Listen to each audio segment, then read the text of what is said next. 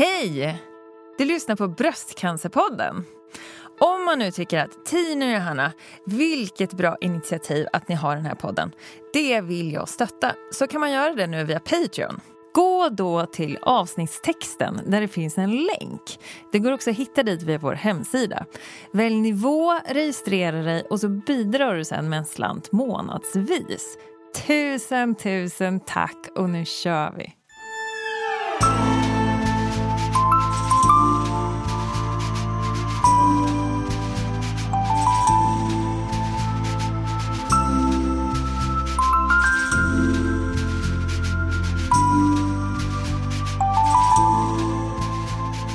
Dagens avsnitt har vi Major Wetterhall som gäst. Sakkunnig dietist från Cancerfonden. Får jag äta skinka på mackan? Kan man äta antioxidanter? Får man äta socker? Kan man äta soja? Är det farligt att äta den där chokladbiten? Hur ska jag tänka kring min kost egentligen?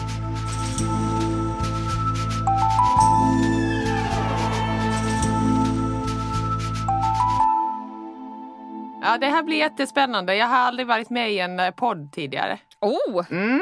Trevligt. Jag känner mig Mm. lite hedrad får jag Så säga. var, var, var snälla mot mig. Ja, Jag ska försöka. Grilla. Tanken är att vi ska försöka hjälpa människor där ute. Ja. Ska vi, ska vi köra igång? Nu börjar jag bli lite... Välkommen till Bröstcancerpodden. Idag har vi med oss Majo Wetterhall. Vi kör igång med faktarutan. Okej, namn. Maj Wetterhall, Ålder? 39 år. Dagsform. Jag har sovit gott i natt. Jag är pigg och glad med lite träningsvärk i benen. Oj. Redan så här på morgonen. Mm. Eller sen igår kanske. Ja, det kommer två dagar efter. ah, okej. Ja, ja, det brukar vara värst efter två dagar. Ja. Familj? Man och tre barn på fem, sju och nio år. Då är du fullt upp. Jajamän. Ja. Bor. I Uppsala. Uppvuxen? I Tavastehus, Finland. Det är 10 mil norr om Helsingfors. Mhm. Mm. Tidigt på morgonen fortfarande. Det här är snabba frågor blir långa frågor. Okej. Ehm, utbildning. Kandidat i kostvetenskap, dietistexamen. Så lite kuriosa, personlig tränare och flygvärdinna också. Aha, Ah. Mm. Det var så du kom till Sverige då? Du tog flyget över och kände här ska jag stanna. Jag pendlade faktiskt eh, över till Helsingfors för att eh, jobba. Så att jag flygpendlade, vilket inte känns så där jätte, jättebra i dagens samhälle. Nej men... Det var då. eh, Det var då. Det var då, precis, exakt. exakt. Det var länge sedan. Det är en hel Östersjö däremellan. Det är lite klurigt hur man tar sig över. Verkligen. Eh, Vi väntar på snabbtågen. Ja, exakt. ja. Yrke? Dietist och sakkunnig inom kost och cancerprevention på Cancerfonden. Hobby. Träning, all typ av rörelse, friluftsliv och eh, loppisar. Lite onyttig är hon nog ändå. Du försöker hitta liksom akilleshälen. ja, precis. De finns, jag lovar. Precis. Ja. Vad åt du som dietist till frukost? Ja, det är ganska sån här standardprocedur skulle jag kunna säga. Som dietist brukar man ju säga att eh, ät eh, varierat, men man behöver inte variera varenda måltid varje dag tycker jag. Och eh, min standardfrukost är två rågmackor med margarin, ost, eh, gurka och eh, tomat. Och en smoothie och massor av kaffe. Gott. Tina, vad Ja, käkar du? gott. Vad jag till frukost? Jag, Ja, jag ärligt åt, nu. Helt ärligt, ja, helt ärligt så prioriterade jag att sova lite mer. Så då- I vanliga fall skulle jag äta gröt, men i morse blev det banan och nötter. Blev det. Banan, ja. Ja, banan och nötter och vatten bara. Det gick fort att få i sig. Har du energi liksom? Jag måste äta, det, det, det är så. Men jag, jag står mig bra på det nu i den här intervjun. tycker jag. Va, vad åt du själv till frukost? Eh, jag käkar två knäckemackor eh, med äggröra och en med hummus och lite lök och kaffe. Och vatten. Mm. Det är C-vitaminerna som är dåliga. Jag måste få i mig mer sånt där. Alltså. Men vi kan pricka, pricka i ganska många näringsämnen direkt så här efter eh, frukosten, hör jag. Vad bra. Och mätta magar också. Ja, ja, ja. Vi Mm. har mycket frågor här så det gäller att vi är alerta. Precis. Men eh, vi frågar dig lite grann. Hur kommer det sig att du ville bli dietist? Ja, det, man får ju backa tillbaka bandet lite grann och fundera över eh, varför blev det så. Men jag tror faktiskt att det, för mig har eh, intresset för mat väckts just genom idrotten. Jag tränade väldigt mycket som barn, var gymnast och var väldigt kräsen med maten. Och det gick ju inte ihop att ha den kombinationen. När jag sen i tonåren bytte sport så började jag läsa på egen hand om, eh, om mat och såg vilka resultat det gav att tänka på mat som bränsle och nästan som medicin. Och det har egentligen Mm. följt med. Och jag tänkte ju från start att eh, jag ska ju självklart bli idrottsnutritionist eller idrottsdietist. Men eh, så blev det inte. Det blev preventionsspåret från start. Prevention. Förebyggande. Och framförallt nu tänker jag att det, det är ju viktigare än någonsin att tänka på, på förebyggande och i samhället och se över våran folkhälsa. Så att det, det går åt rätt håll. Mm. Jag måste bara fråga. Nej, men eftersom du såg mat som bränsle. Min man tränar jättemycket. Han har också bara ätit bara för att få i sig energi och sådär. Men Ja. njutningen, kan du typ gå på restaurang och bara åh, det här smörsåsen är så himla god och med den här köttbiten. Och, eller tänker du fortfarande som att det är liksom att du ska må, bara äta för att du ska få energi? Nej, nej, nej, det är verkligen, verkligen inte så. Det, det är väldigt mycket njutning eh, i det.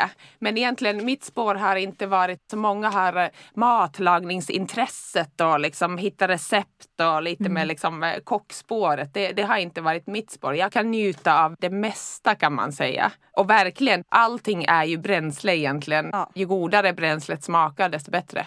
Bra. Okej svar tycker jag. Så du har inte blivit arbetsskadad med andra ord? Ja, precis. Jag skulle säga att det är nästan tvärtom. Att genom att skapa kunskap eh, i en fråga som man intresserar sig så är det enklare att backa tillbaka och få den här ödmjukenheten och helikopterperspektivet på mat. Som ofta i dagsläget kan eh, försvinna med tanken på att det finns väldigt mycket i media som säger att det här eh, Ja. räddar ditt liv. Eller äter du det här så blir allting bra. Eller att äter du det här så blir det jättefarligt Ja. Egentligen kunskapen ger trygghet och Ja. mer avslappnad inställning till mat. Kunna backa Precis. och se att okej, det här är bara nyheter som säljer. Och Då kan du titta tillbaka och känna så här, ja, fast jag vet att det kanske inte riktigt stämmer. Det här kanske bara är en liten studie och det finns mycket större sammanhang som indikerar andra. Ja men precis. Och just det här att eh, även fast eh, vissa saker kan eh, anses i forskning ha en negativ klang så tittar vi ändå livet som en helhet.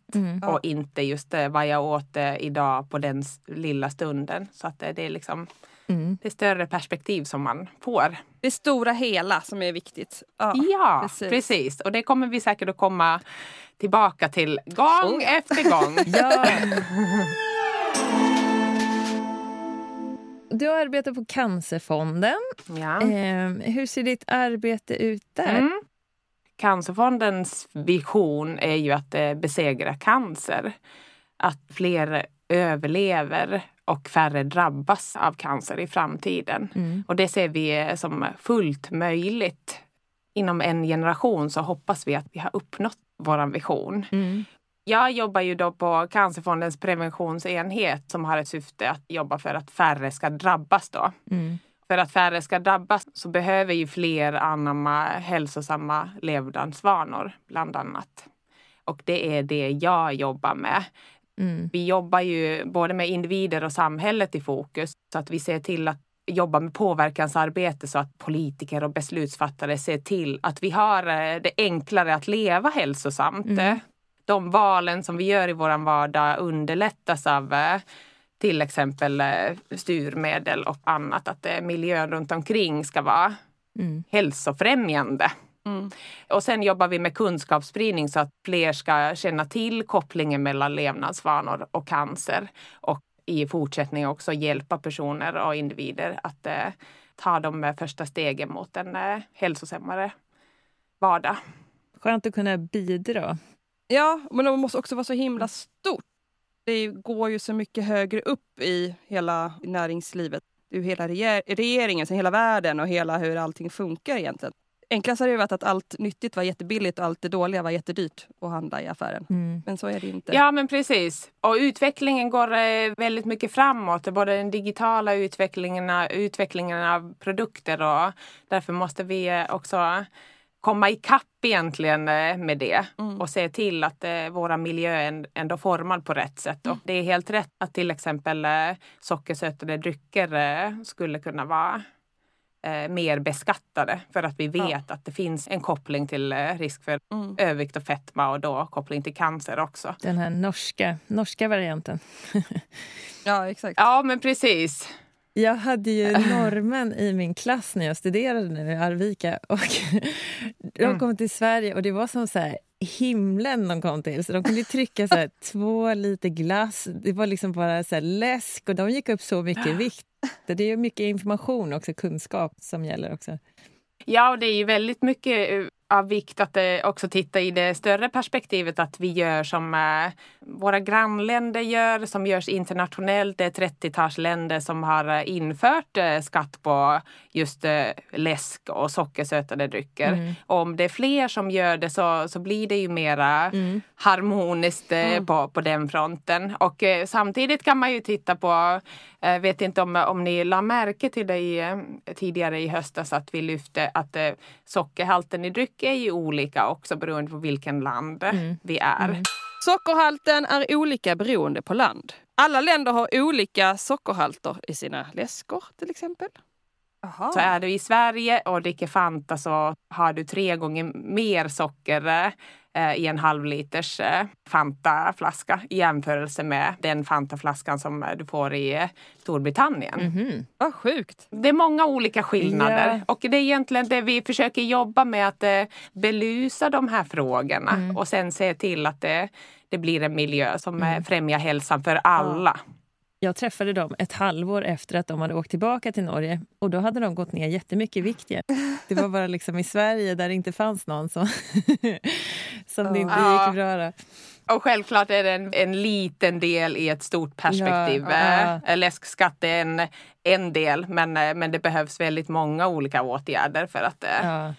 för att jobba med den här frågan. Men det, det är en av de frågorna, det är ett exempel på, Ja.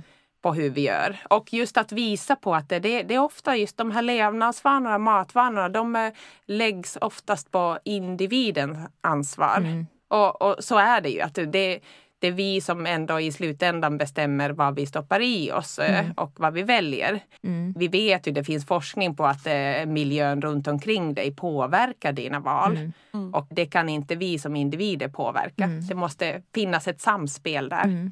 Precis. Jag borde slå in ett kast här när man jobbar med reklam. Det är ju så stort. Även det är ju någonting som gör så att folk gör sina val. Ja. Verkligen, om vi tänker till exempel på barn också, Mm. hur, Ja. hur de påverkas av eh, Ja. reklam av ohälsosam mat. Så där har vi ett till spår att Ja. jobba på. Ja. Verkligen. Hur är det, driver Cancerfonden egen forskning? Eh, nej, Cancerfonden samlar in och förmedlar pengar till eh, drygt 400 svenska forskningsprojekt eh, om cancer varje år. De här forskningsprojekten eh, de väljs ut i en väldigt noggrann process i en nationell konkurrens.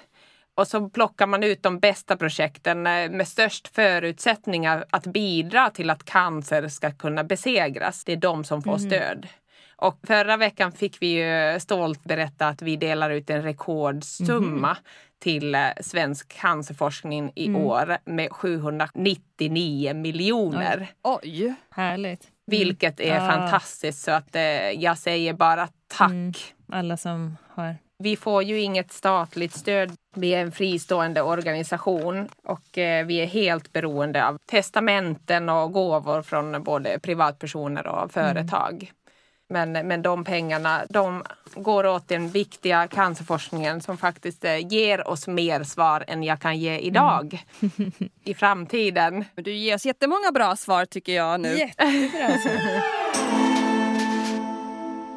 Frågan är ju egentligen om det finns några rekommendationer på vad man ska käka om man har haft bröstcancer. Jag förstår. Ja, men många undrar ju det. Bröstcancerpatienter undrar så här, men vad ska jag äta egentligen? Ja. Jag vill bara äta rätt. Vad är det egentligen jag ska äta? Finns det rekommendationer kring det?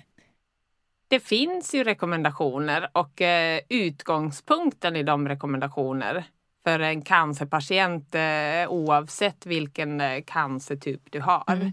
Är ju att eh, äta enligt de rekommendationerna för minskad cancerrisk och minskad risk för sjuk- sjukdom. Så att eh, vi, det handlar egentligen om Livsmedelsverkets rekommendationer. Det handlar om de nordiska näringsrekommendationerna. Mm. Men med tanken på att man har fått en eh, bröstcancerdiagnos och går in i en behandling så kan vi kan luta oss mot de här stora allmänna rekommendationerna. Mm. Men det är ju jätteviktigt att tänka på att eh, vi har en individ framför oss. Och då måste man ju utgå från eh, vad du som patient är, eh, vilken behandling som ges eh, och hur den här behandlingen påverkar dig. Vi kan prata väldigt mycket om personcentrerad Mm. eh, behandling, även när det gäller mat. Mm. Men kan du så är grunden ändå detsamma. Att eh, lägga vikten på växtbaserad mat, eh, låta frukt, eh, grönsaker, fullkorn och fibrer eh, ta plats eh, och baljväxter också ta plats på tallriken så mycket som möjligt. Vilka är rekommendationerna? Växtbaserad, frukt, fiber, baljväxter. Det känns ändå så att alla rekommendationer som ni har borde egentligen vara rekommendationer för, för vanliga människor för också. alla. Alltså egentligen, Mm. alltså för alla. Mm. Ja, så, så är det ju. För det är ju ändå det är ju nyttig, bra mat. Sen förstår jag att det är svårt kanske att skaffa en specifik diet för den som har bröstcancer, utan ni har ju för cancer i sig. Men det måste också finnas, Mm. till exempel om man får tarmcancer så kanske det är, man ska akta sig att äta en viss mat. För att det har med tarmarna att göra. Alltså kanske för mycket nitrit, jag vet inte. Men Ja, precis. Och, och med tanke på just att vi är en eh, större organisation och jobbar med rekommendationer på, på gruppnivå och eh, vi, vi gör ju inte de här eh, råden till individerna Nej. så kan man inte gå in på den här individnivån för att då, då vill jag ju veta hur du har ätit innan din diagnos, hur du mår, vad tycker du om hur ser dagen ut, hur ser behandlingscykeln ut eh, etc. Mm. Så då behöver man gå in på en lite, precis. lite tydligare anamnes kan man säga. Anamnes, en sammanfattning av patientens sjukdomshistorik. Men i stort kan man säga liksom att man rekommenderar ungefär samma kost till vanliga personer, eller vanliga, Ja, och de som har haft bröstcancer eller har bröstcancer. I stort sett så är det samma kostrekommendationer om det inte är så att man går ner mycket i vikt eller går upp mycket i vikt under behandlingen till exempel. precis. Det är jättebra grund att, eh, att stå på. Okej, nu vet vi ungefär vad man ska äta. Så här, det är ändå så här. Men det är bra mat, nyttigt. Mycket växtbaserat. Ja, men växtbaserat och grönsaker och frukt och sånt. Man har ju hört, säger jag då, Ja, att eh, till exempel ja, men vegetariskt, ja, men då käkar vi lite sojaprodukter då.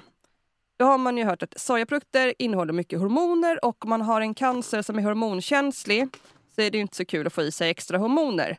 Men frågan är då, Mm. hur mycket hormoner är det och tar kroppen upp det och är det skadligt? Bra fråga va? nu var det många frågor. Ja, Jag förstår exakt vad du menar. Eh, Det är en ganska vanlig fråga ändå. Och eh, den samlade forskningen, om vi tittar just på, på soja och sojaprodukter, säger ju att eh, soja i sig är helt säkert att äta. Och det kan till och med ha positiva effekter på, på cancer. Men, eh, men där behövs det fortfarande mycket mer forskning för att, eh, för att ha den här gedigna grunden att eh, kunna påstå någonting. Men vi, vi vet ju att soja den innehåller eh, så kallade fytoöstrogener. fytoöstrogener är växtämnen som liknar kroppens eget östrogen. Och de har ju såna kemiska strukturer som, som liknar egentligen östrogen som finns i våra kvinnokroppar. Och höga halter av östrogen har kopplats till eh, ökad risk för eh, till exempel bröstcancer. Men det är viktigt att påpeka att de här fytoöstrogener, eh, det är inte samma som östrogen. Det är inte hormoner. Och soja innehåller inte östrogen.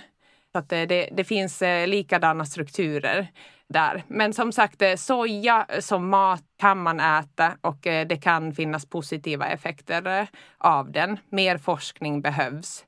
Men att äta fytoöstrogener som tillskott vet vi inte tillräckligt mycket om mm. än. Och därför kan det vara bra att avstå. Bra!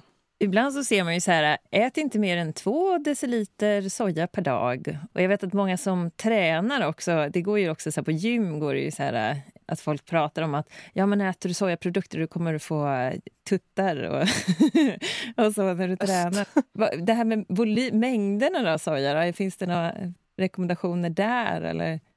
Nej, det finns inga direkta rekommendationer men, eh, men den, den fina rekommendationen med allt är ju det fantastiska svenska ordet mm. lagom. Som ja, inte finns eh, i, i mitt ja. hemland eh, i samma mm. utsträckning. Mm. Men eh, lagom av allt är ju mm.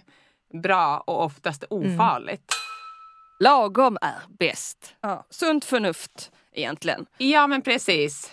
Dricker du alldeles för mycket vatten så är det också farligt. Så att det, det, det är ju alltid bra att tänka i de termerna.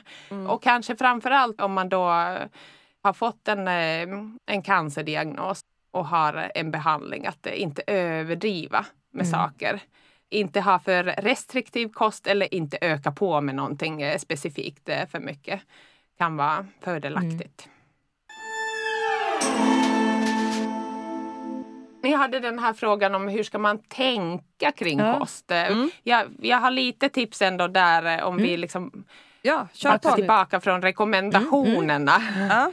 Även fast eh, jag inte kan säga att ät inte soja. Mm. Men hur ska man tänka kring kosten när du fått en diagnos? Ja men precis, det hade vi så här, när man har fått precis bröstcancer, hur, hur kan man mm. tänka? Mm. Ja. För man är ju helt sprängd. I, alltså man vet inte Nej. någonting, varken ut eller in och man orkar inte tänka heller för att det är så mycket annat. Så det är inte så lätt. Så läser man att soja är nyttigt, ät det och sen säger nej soja är inte bra, ät inte för mycket. Ja precis, det är nog väldigt olika där också hur man från start tänker och vad hjärnan tar eh, in i, i den situationen när man fått en cancerdiagnos. Mm. Jag har ju inte själv varit i den situationen så jag kan inte tänka mig hur mycket olika tankar och olika beslut och olika funderingar man har i huvudet. Så att det, det är jätteviktigt att vara snäll mot sig själv. Mm. och eh, egentligen se över sina, sina fysiska och psykiska resurser innan man eh, sätter igång med de tankarna innan man låter eh, de här eh, tidningsrubrikerna komma in någonstans. Mm. Men det som är viktigt att tänka på att eh, från start redan att tänka att eh, ta hjälp redan mm. i starten så eh, tänk lite förebyggande om det finns utrymme i, i hjärnan och eh, fråga kontaktsjuksköterskan mm. om det finns möjlighet att få hjälp med maten om det blir problem under behandlingen. Mm.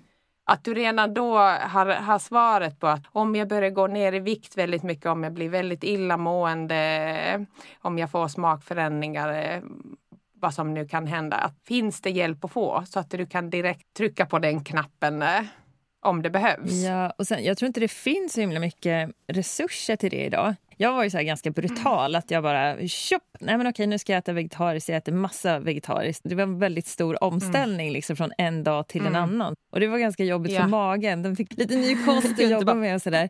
Och då frågade ja. jag så här, men skulle jag kunna prata med en dietist? Och då fick jag svaret att ja, de patienterna som har väldiga problem under cellgiftsbehandlingar och så, de kan få en remiss till en dietist. Men mm. det var inte många som fick det.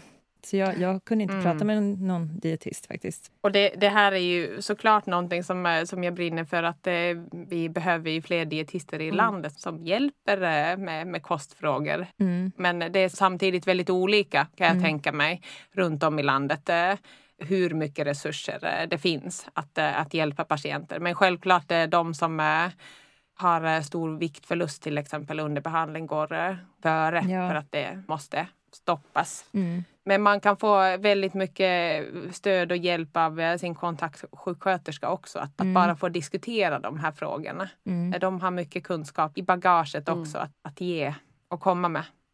Men jag, jag måste ändå liksom understryka det egentligen, det rådet som ni säkert fått eh, från sjukvården också. Att eh, det viktigaste är att man äter för att få i sig den energi och näring man behöver för att kunna klara av de här eh, extremt tuffa behandlingarna Mm. som faktiskt kan bota cancer. Mm. Mm. För det är viktigt att påpeka, det kan inte kosten göra. Nej. Så att eh, kosten, det, det ska ses som eh, stöd i behandlingen som kan hjälpa behandlingen framåt och se till att du, du orkar med. Men, Mm. eh, men det är jätteviktigt att eh, betona att det är de eh, behandlingarna som man får Mm. som ändå Mm. kan, kan bota en. Mm. Det känns egentligen som att man får väldigt, väldigt få kostråd egentligen. Alltså det är väldigt fokuserat på medicinbiten egentligen i vården Mm. idag. Har du Ja. fått något kostråd, Jonna? Jag, jag kan inte komma ihåg Eh, att jag nej. har fått. Jag, de sa bara att de kan ju ha sagt att man ska liksom inte äta för onyttigt kanske, men å andra sidan så var det mer att bättre att jag åt än inte åt. ja. Jag levde ju på turkisk peppar under hela min... Alltså jag, kunde, jag Ja. var bara sugen på turkisk peppar. Alltså det, jag, håller på dö. jag kunde inte äta någonting annat, jag ville bara ha turkisk peppar. Mm. Och typ så här, jag var ju som att jag var bakis hela tiden så jag kände som att jag bara ville äta liksom pommes, sån mat, fett liksom. Jag försökte äta något nyttigt men de, ja, Mm. det var det min craving jag fick. Mm. Precis som att man, Mm. jag vet inte, man skulle vara gravid fast med cellgift. Det jättehemskt. Som jag förstår så är det ganska vanligt ändå just att ha det här illamåendet i sig. Och, och det Mm. som eh, man skulle kunna ge som tips egentligen att, eh, att du eh, försöker föra dagbok och lära känna din kropp, hur du reagerar på behandlingen. Oftast dagarna efter cellgifter Mm. är de värsta. Och då gäller det att kanske äta turkisk peppar eller någonting Mm. som man får i sig. Ja. Men sen finns det de dagarna som, är- som är bättre. Och, och om man orkar eller om man har någon att prata med att göra någon slags plan för hela behandlingscykeln. För att eh, hitta, hitta Precis. olika sätt att eh, hantera det. Ju mer jag lyssnar nu och, och så, så verkar det som att rekommendationerna är att, eh, att huvudsaken är att man får i sig någonting. Till, till exempel det här med ja, men om det är turkisk peppar. Alltså, men hur sätter ni era rekommendationer? Vad, vad är det de baseras på? Ja, precis. Det är ju viktigt att, eh, att påpeka att vi, Cancerfonden eh, själva eh, sätter ju inte rekommendationerna. De rekommendationerna som vi ger i våra broschyrer och webben och i sådana här sammanhang, de baseras på den samlade forskningen. Och eh, de utgår från rekommendationer från den europeiska kodexen för cancerprevention som eh, samordnas av eh, det internationella centret för eh, cancerforskning. Och sen finns det World Cancer Research Fund som, som ger också rekommendationer på, på kost, vikt och fysaktivitet. Och eh, i båda situationer så har man gjort sån systematisk genomgång av all forskning och analyserat den och gett experter uppgift att forma de här rekommendationerna. Det är egentligen internationella rekommendationer eh, baserat på den eh, tunga samlade forskningen som eh, ligger i grunden för allt. Inte de här expertartiklarna som finns lite här och var ute. Det, det är svårt att inte lyssna till det ändå i media. Om vi var inne på det här, för, för nu blir det som så här, ja men då kan du kanske äta turkisk peppar och då blir det lite så här varningsklocka. Så här, fast i artiklarna socker står det så här, ät inte." inte socker, ät inte socker. Hur ska man tänka där liksom? Det är ju precis det, det här vanliga föreställningen att eh, äter du socker så, så gör det att eh, tumörerna växer fortare. Mm. Och det, det är en ganska vanlig sockergöd cancerceller. Och precis som, eh, som jag sa tidigare att det, det viktigaste är att du äter Mm. för att få i dig den energi och näring man behöver för att klara av de här behandlingarna. Jag tänker vanliga. Och egentligen cancerceller, ja, om, om vi tänker cancerceller är precis som de flesta av kroppens celler. Ja, precis. Vanliga celler äter ju också Ja, de, socker. de behöver, ja, de äter socker. Precis. Alla vill ha socker Ja. eller glukos. Och cancerceller de delar sig snabbare och då behöver de mer näring, mer, mer socker än vanliga celler.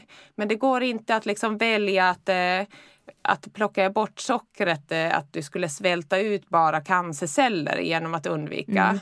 socker. Du dör ju de andra cellerna också. Ja, och, och då, då, då är kroppen ett ganska smart system ändå. Och då, då börjar kroppen plocka plocka socker eh, och glukos från muskulaturen istället. Mm. Och det kan vara en anledning till att eh, cancerpatienten eh, blir eh, svag och undernärd för att man tappar muskelmassa. Mm. Och det vill man inte komma åt för att eh, det, det ser man att det är kraftig viktnedgång, tappar du muskelmassa och blir undernärd, det kan påverka behandlingsresultatet. Mm. Därför är det viktigt att man inte är rädd för socker eller inte äter för restriktivt eh, överhuvudtaget. Mm. För att inte liksom börja nalla på muskulaturen Precis. helt enkelt. Men det, man behöver inte trycka i sig en godispåse varje dag. Du behöver inte dricka en och en halv liter läsk. Men du kan käka frukt eller något annat. Liksom. Och yeah. visst, vill du äta en glass så gör det någon gång. Men inte varje dag. Ja men precis. Och, och det är egentligen precis på samma sätt som, eh, som för vem som helst. Ja. Att eh, lagom är alltid bra. Men, eh, men tappar du i vikt eh, är det ändå viktigaste att vi liksom eh, stoppar den. Ja. Och, och då, då får det vara med, med vilka medel som helst. Socker, okej. Okay. Mm. Då frågar jag, okej, okay. läsk, Coca-Cola, vanlig Coca-Cola. Zero. Alltså jag tycker det är så konstigt för jag har massa vänner som dricker Ja, men det är inget socker i. Nej, men det är fortfarande sött. Det kan ju inte vara bra. Även om aspartam eller vad det heter det var ju dåligt förr men nu är det tydligen inte lika farligt. Men jag tycker att det kan ju inte vara bra. Kan du sätta hål på den myten? Ja. Tittar vi då på forskningen så finns det inga samlade vetenskapliga belägg för att eh, sötningsmedel skulle vara cancerframkallande. Men tittar vi närmare på aspartam så har det gjorts eh, några djurstudier där man sett att eh, aspartam skulle kunna orsaka cancer. Men eh, sen har man tittat närmare på de här studierna och de är väldigt bristfälliga. Man har hållit eh, de här eh, aspartamråttorna vid liv alldeles för, eh, för länge så att de har fått eh, tumörer av eh, hög ålder. Man har eh, rekryterat eh, möss eller råttor, nu minns jag inte vilka det var, men eh, som naturligt eh, bildar cancertumörer de är den sorten av, eh, av djur. Så att de studierna kan vi inte lita på. Mm. Och tittar vi ännu närmare på de här studierna, som fortfarande är bristfälliga, så skulle du behöva ett intag eh, upp till eh, vad, vad, blir det, 2700 burkar lightläsk varje dag Aha. för att komma upp i de här farliga nivåerna. Mm. Så du skulle behöva dricka 150 burkar lightläsk varje timme. Mm. För att det skulle vara farligt. ja. Oj. De här studierna fick ganska mycket uppmärksamhet eh, när de kom men det, det finns inga studier som har liksom byggt på det här eh, påståendet och eh, alla andra kontrollerade studier som har gjorts visar på att det inte finns några risker av konsumtion av lightläsk mm. gällande cancerrisk. Sen självklart är det liksom en söt dryck. Mm, precis. Vi kanske inte behöver mer sötma i våran vardag. Så att jag skulle ändå lyfta alla typer av söta drycker till kategorin eh, att uh, unna sig. Mm. Att det är lite mera sällan mat, mm. även fast det inte är farligt. Men, men det här med att det kan störa nivåerna, så insulinnivåer och sådär. Att det kan liksom, kroppen tror att den får socker, till exempel om man dricker Cola Zero eller någonting. Men sen mm. så får den inte det. Och så, alltså, sånt där har man ju läst lite om också. Ja, och det finns inte, inte bevis i den samlade forskningen mm. för mm. det Nej. heller. Det finns ju forskning på det men, eh, men inte, inte i den samlade evidensen kan man inte mm. påstå att det mm. är så. Men kan man bli lika tjock, alltså om man ska säga fetma då, om man dricker vanlig cola eller för att det är sötningsmedel eller vanligt socker? Är det någon skillnad? Ja, det är väldigt stor skillnad energimässigt för att, mm. för att vanlig vanlig läsk innehåller ju energi, kalorier. Och eh, man, man, tror just att eh, kalorierna som, eh, som vi dricker eh, är någonting som, eh, som vi inte märker av. Eh, det påverkar inte våra mättnadssignaler på samma sätt. Och då är det lätt att det blir utöver det man äter i, i vanliga mm. fall. Mm. Och därför finns det just den här tydliga kopplingen mellan just sockersötad dryck och risk för övervikt och fetma. Mm. Okej, och då som kan leda till cancer. Ja. Ja men precis, Mm. exakt. Övervikt och fetma har ju koppling till 13 olika cancerformer. Varav bröstcancer är en av eh, Mm. de formerna. Så att det är viktigt att eh, vi egentligen från, från tidig ålder ser till att eh, färre får övervikt och fetma. Mm. För det är ju en, eh, ett tillstånd som är svårare att, eh, att eh, bli av med om man eh, lagt på sig kilon. Mm. Där är prevention eh, superviktigt i tidig Mm. ålder. Jag tänkte bara, nu när vi ändå är inne på socker och så. Det är många som ute på nätet nu också som sitter och rekommenderar att man ska göra alla möjliga olika slags juicer. Och det ju, blir ju ganska mycket Mm. socker också om man har mycket frukt i och så. Och det blir väldigt stort samlat näringsintag om man till exempel juicar flera äpplen istället för att äta dem. Men Mm. det här med juice då, hur, hur ser ni på det?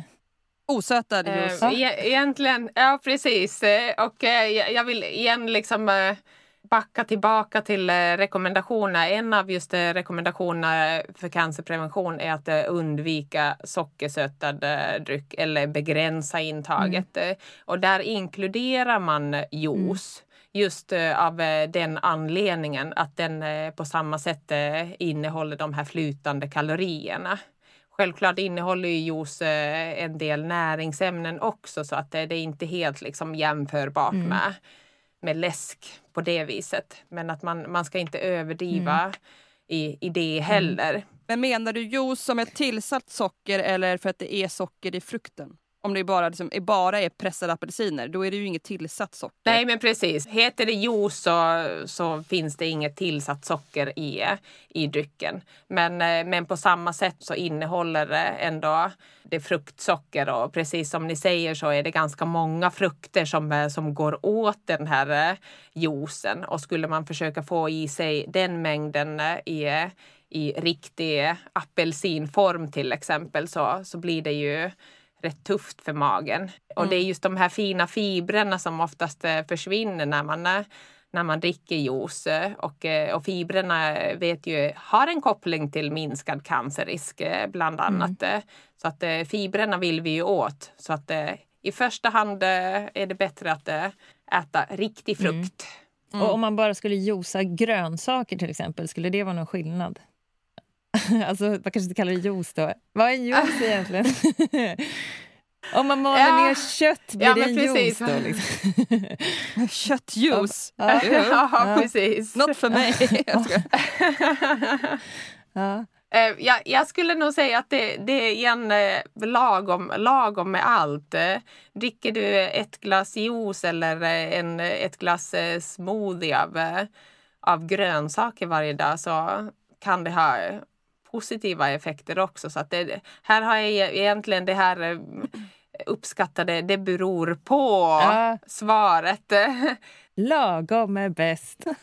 Precis, men, Ja. men eh, när det gäller just juicer och, och sådana där in, ingefärsshot Mm. eller eh, liknande som, som kan vara populärt. Ja, börja morgonen Mm. med citron och ingefära för att bli mer basisk. Precis. Så, så skulle, jag, skulle jag då säga att eh, överdriv inte med, med sådant. Eh, inte i vanliga fall och framförallt inte om, eh, om du Mm. genomgår en eh, cancerbehandling. Nej. Men då får jag fråga om vi... Antioxidanter, blåbär, hallon. Ja, just det. Innan skulle man bara äta det och nu får man inte äta det. Ja, fast sen läser man igen att man ska äta det. Fast kanske inte Ja, tillskott. Helt förvirrad. Jag köpte sånt där pulver. Ja, precis.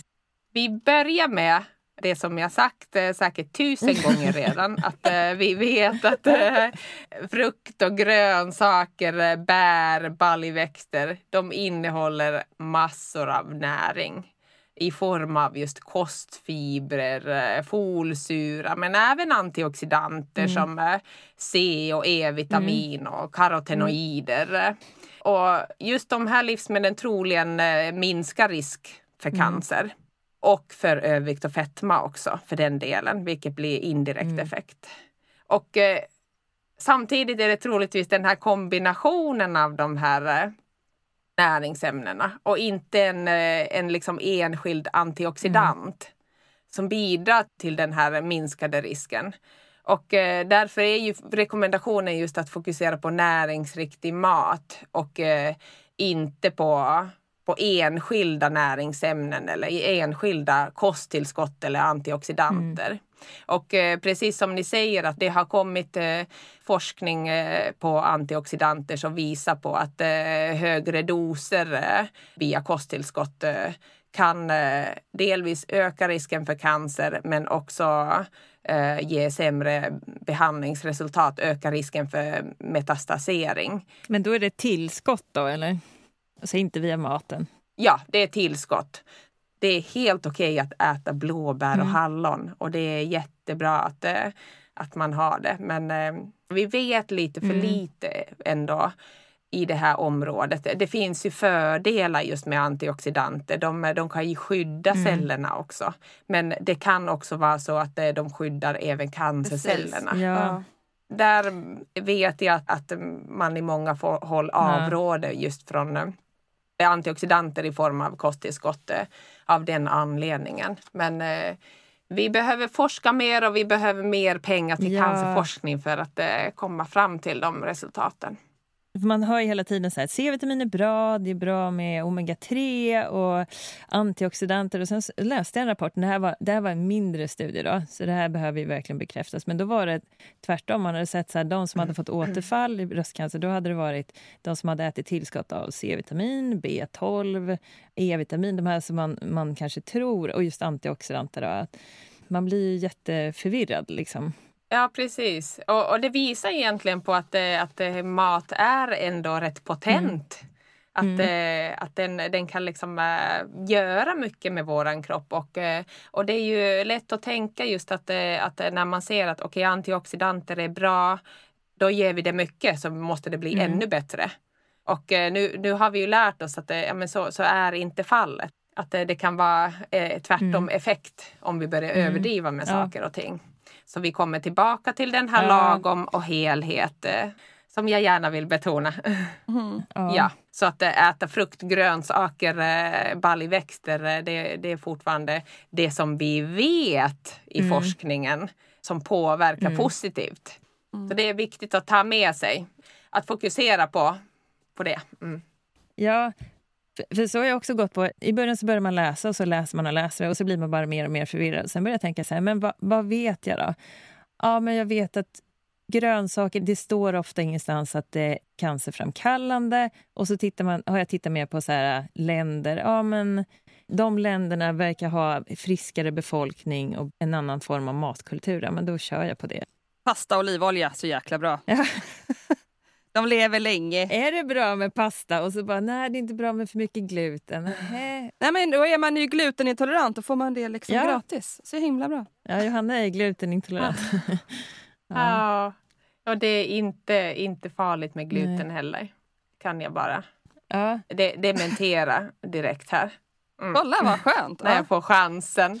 Ja det här är så mycket saker som bara florerar på nätet. Mm. Ja. Just mat, det finns ingenting som engagerar så himla mycket ute på nätet som mat. Nej, precis. Ja, jag kan tänka mig just att i, i situationen att man får en diagnos, då hakar man ju liksom eh, ganska enkelt på enskilda livsmedel och näringsämnen.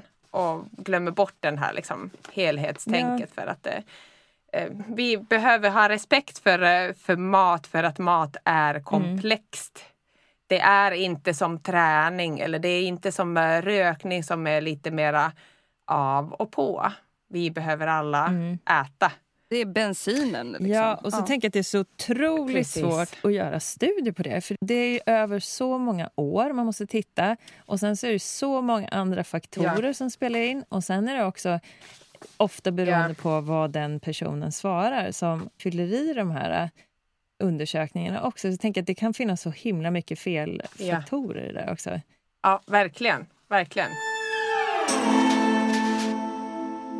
För är det någonting som man absolut inte får äta? Ja, men kan man säga så här då? Finns det något livsmedel som man får cancer av, som man vet? Um, jag skulle först säga Att lagom är bra. Ja, exakt! Visst är det. Ja, jag känner att ni har redan tagit med det viktigaste från det här.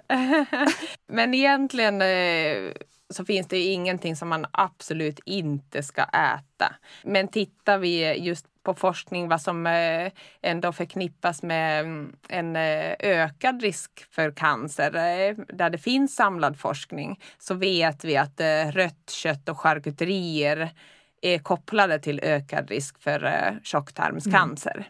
Men inte just för bröstcancer då, kan man säga? Nej, det Nej. finns inte kopplingar till eh, bröstcancer. Nej. Och då kan man ju tänka att på gruppnivå är det ju bra att vi alla minskar intaget av eh, rött kött och charkuterier för att vi ser att eh, konsumtionen i Sverige ligger ganska högt mm. fortfarande. Och man ser att intag av charkuterier framför allt är starkt kopplad och där rekommenderas att undvika eller begränsa sitt intag eh, så mycket som möjligt. Men samtidigt ser man ju att eh, rött kött innehåller eh, massa bra näringsämnen som, som järn och protein och ja, B-vitaminer också innehåller de. Och därför är rekommendationen att, att vi ska äta max 500 gram rött kött i veckan.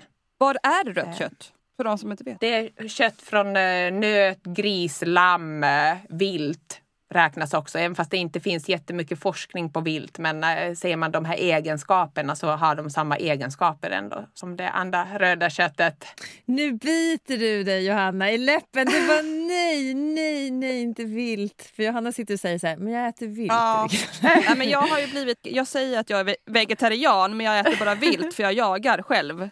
Ja. Och då tänker jag att det är ändå bra grejer. Det är ju inget som är stressat djur. Det går i skogen och äter bra grejer. Och så länge det bor i skogen, inte i midsommarkransen där de äter avgas. Men eh, mm. jag tänker att det kan inte vara så kan inte vara så dåligt. Och de är inte uppfödda på dålig eh, mat. Nej, mm. vad är det som är farligt med rött kött? Ja, varför skulle det vara bättre med kyckling till exempel? Ja, de här mekanismerna bakom eh, kopplingen har man ju inte fastställt. Eh, man behöver forska mera på vad är det som gör det. Men det som eh, ligger liksom högst upp eh, just som spekuleras kring det är just det, eh, det här hemjärnet som, eh, som både charkuterier och rött kött eh, innehåller. Också nitrit eh, som ni varit eh, inne på. Och fettmängden och även saltet. Så det finns flera olika spår och också hur man liksom tillagar det röda köttet kan liksom påverka att det, bildas så, så kallade nitrosaminer. Nitrosaminer. Kemisk substans som är cancerframkallande som bland annat finns i vissa läkemedel, kosmetika, ballonger och kondomer. Tillagningen, okej, okay, vilka ska man undvika då? För om man vill äta kött, hur ska man tillaga det för att det ska undvika de här nitrobudud? vad det hette. I stort, nitrosaminer. I stort eh, skulle man kunna säga att, att eh, du undviker eh, flera ämnen genom att inte äta bränd mat. Så stek köttet eh, lagom eh, om, om du steker eh, ja, men, eh, vad som helst. Ät inte bränd eh, eller hårdstekt mat. Mm. Så, så undviker du ämnen som kan bildas just vid, vid stekning. Mm. Den här eh, köttrekommendationen är ju för att man ändå ska kunna täcka behovet hos de som behöver det mest. Och där ser man ju att unga kvinnor till exempel kan eh, ha ökad risk för eh, järnbrist. Så att då ska man inte liksom ha alldeles för hårda rekommendationer heller. Mm. Men det betyder inte att eh, du måste äta 500 gram kött i veckan. Nej. Vi har alla chansen att begränsa vårt intag. Men jag vill också betona att eh, Rött kött, eh, charkuterier, det är en del av hela matpyramiden och risk, riskökningen är inte jättestor när vi igen plockar liksom ett livsmedel från hela liksom paketet. Så att man behöver inte bli skrämd mm. av detta. Mm. Men om jag har försökt leta länge på, typ, jag älskar ju då salami, skinkor, och så här, man går och köper 10 gram där, 100 gram där. Mm. Men så här, tryffelsalam. Mm. Mm. Och det är då oftast mycket nitrit för att det ska behålla färgen och konserveringsmedel lite grann är det väl till för. Ja. Och jag har frågat jätteofta i eh, disken att, för jag fick ju höra att det inte är bra nitrit specifikt kanske då för tarmcancer. Det är väl det som är farligt. Eller för nitrit är ju Ja. farligare än vanligt salt, eller? Det är ju precis det man inte vet vad som är vad och troligtvis är det kombinationen som gör att det, att Okej. det finns en eh, ökad risk. Men när man diskuterar just att nitrit eh, kan bilda de här nitrosaminer i kroppen och eh, nitrosaminer har man sett är cancerframkallande hos djur. Och då kan man tänka sig att det kan funka så hos människan också. Precis. Men eh, med sån kuriosa är det ju ett kravprodukter. De eh, innehåller inte nitrit. Där tillsätts eh, inte nitrit i. Men det är bra. För jag har börjat lufttorka skinka själv utan nitritsalt. Ah. Då tänkte jag att då är jag Mm. duktig, det vet jag att det är bara kött och lite salt, ingenting mer. Och jag tänker att det är Ja, ju det precis. Mm. lite bra, då kan jag äta det någon gång i månaden då. Tänker jag. När man ändå har gjort det själv. Och skjutit till grisen. Det är ju bra. Säg att jag är duktig. Absolut. det är det Ja, du är jätteduktig. Tack. Verkligen. verkligen. Och, eh, och där skulle jag egentligen... Jag, jag skulle verkligen slå ett slag för just att eh, jag, jag vill inte att någon går härifrån efter att ha lyssnat på den här podden och tänker att eh, det här ska jag inte äta och det här är no-no, det här är dåligt. Eh, Hellre att man tänker att jag älskar salami. Då är det det som är min sällanmat. Jag älskar, som jag själv, jag älskar choklad. Och då, då hittar jag de här tillfällen att äta choklad. Men jag ser till att jag njuter av det. Ja. Så att det inte blir slentrianmässigt eh, ätande. Precis. När det är den här sällanmaten som vi tänker på. Man har det precis när man dricker ett glas champagne. Det gör man bara när det är specifika tillfällen. Det har varit jättetråkigt att dricka det varje dag som mjölk. Det går ju inte. Ja, men precis. Så. Ja. Det gäller att hitta förhållningssättet. Nu Har vi babblat så himla mycket under det här avsnittet. Så vi har gjort två. fortsättning följer. Dadu, dadu, dadu. Jag gjorde egen glögg förresten. Ja, hur gick det? Ja, jag smakade den häromdagen. Mm. Riktigt, riktigt bra. Ja, det var ju typ fyra kilo socker. Så jävla stört. Men den var god. Den var väldigt god. Men, men är det inte jätteskönt efter vi har haft avsnittet nu att du kan bara sippa lite på din glögg och känna så här, ja fast jag kan faktiskt dricka det här och leva vidare med gott samvete ändå. För det är det stora helikopterperspektivet som spelar roll. Precis. Och så tänker jag så går jag och tränar kanske lite sen och då har jag gjort någonting bra. Mm. Ge och ta. Lagom. Ja, herregud. Nej, men eh, nu blir jag lite så här... Tja, tja, tja, tja. Eh, Okej, vad betyder det? Lite upphetsad. Nej, du säger det i början på avsnittet. Jaha, gud! Nej, börjar vad hemskt. Ja, men jag kommer ju aldrig igång. Ja, och nu håller vi alla på att avsluta. Så nu börjar det bli lite så här... Alltså gud, det här avsnittet är verkligen mot mig hela tiden. Men ja, varsågod, jag ger dig det. Det är okej. Ah. Det är okej. Jag tar det som en kvinna. Ta det som en liten komplimang. Mm, det gör jag faktiskt. I miss you. I miss you too.